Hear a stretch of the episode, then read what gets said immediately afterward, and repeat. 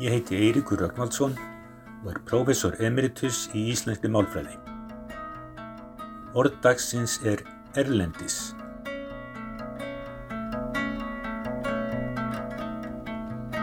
Það er ekki vegna þess að ég hef svo gaman af að vera erlendis eða sé komin í svo mikla þörf fyrir að fara erlendis, heldur vegna þess að þetta orð er svo gott dæmi um ógöngur einstengingslegar andstöðu gegn eðlilegum tilbriðum í málinu. Það hefur lengi verið kent að erlendis geti einungist hafnað kyrstöðu, dvöl á stað, en ekki reyfingu, ferð til staðar eða frá. Málfarsbanki átnastofnara segir til dæmis Atvísorðið erlendis merkir í útlöndum. Það er því eðlilegt að segja dveljast erlendis en aftur á móti ekki erlendis frá og fara erlendis. Sviðpæra aðtjóðsendur hefur mátt lesa og heyra í ótal málfarstáttum fjölmiðla undanfarnar áratvíi og þetta hefur verið kent í skólum og spurtum það á prófum. En á hverju byggist þessi regla? Í fornumáli var orðið notað bæðum dvöl og reyfingu og í textum að minnstakosti frá átjánduöld til þessa dags má finna mikinn fjölda dæma um fara erlendis og erlendis frá. Ekki minni maðurinn Jónas Hallgrímsson skrifar í minningagreinum Tómas Sæmundsson í fjölni en er herra Steingrimur varð að fara erlendis vetra langt að taka biskupsvíslu í Danmörku kom hann Tómasi í Bessastaðaskóla. Ég séð það tilfært sem rauk gegn hreyfingarmerkingu erlendis að atvisorð sem enda á ís táknum veinilega dvöl en ekki hreyfingu. En það er ekki algilt.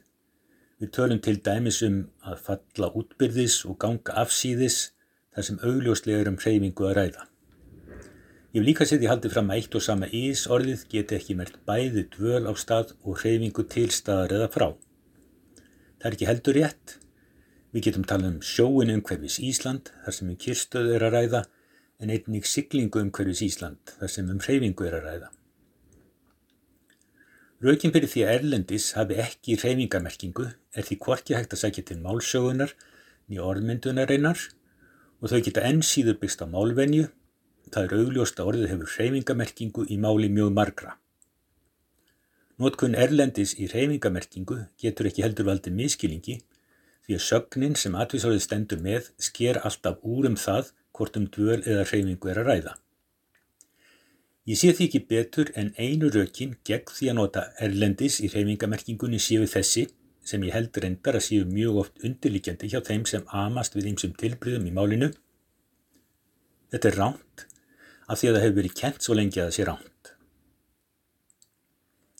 Í fljótubræði gæti þetta virst léttvæg rauksemt eða raukleisa eftir því hvernig við lítum á málið. Vitanlega réttlæti það ekki vittlis og hún hefði lengi verið höfð fyrir satt. En það má vissulega halda því fram að mikilvægt sé að festa ríki í málsamfélaginu og ekki sé hringlað með viðmið. Er búið að kenna áratugum saman að eitthvað sé ránt, þráttur að það sé eðlilegt málfar fjölda málnátenda, geti skapast óreiða og lausungu í málinu ef það er allt í hennu viðurkent sem rétt mál. Þetta valdi vandraðum í kennslu og íti undir þá hugmynd að það sé alveg sama hvernig fólk tali og skrifi. Þetta er sjónuðin margra og ástæði til að taka það alvarlega og bera virðingu fyrir því. En ég held að það sé ránt. Ég held hvert á mótið að einstengi sett bann við tilbreyðum sem verulegu hluti að ég vel meir hluti málandenda elst upp við og notar í daglegu lífi sé miklu frekar til þess fallið að skapa óvissu og óriði málnótkun, ræðslu við íslenskuna og neikvægt viðar til hennar en viðurkenning þessara tilbríða.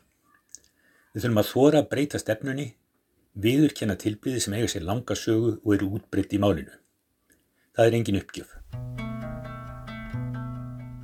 Orðið erlendis merkir í útlandum samkvæmt orðabók. En það er ofullnægandi skilgreining. Orðið merkir í útlandum eða til útlanda.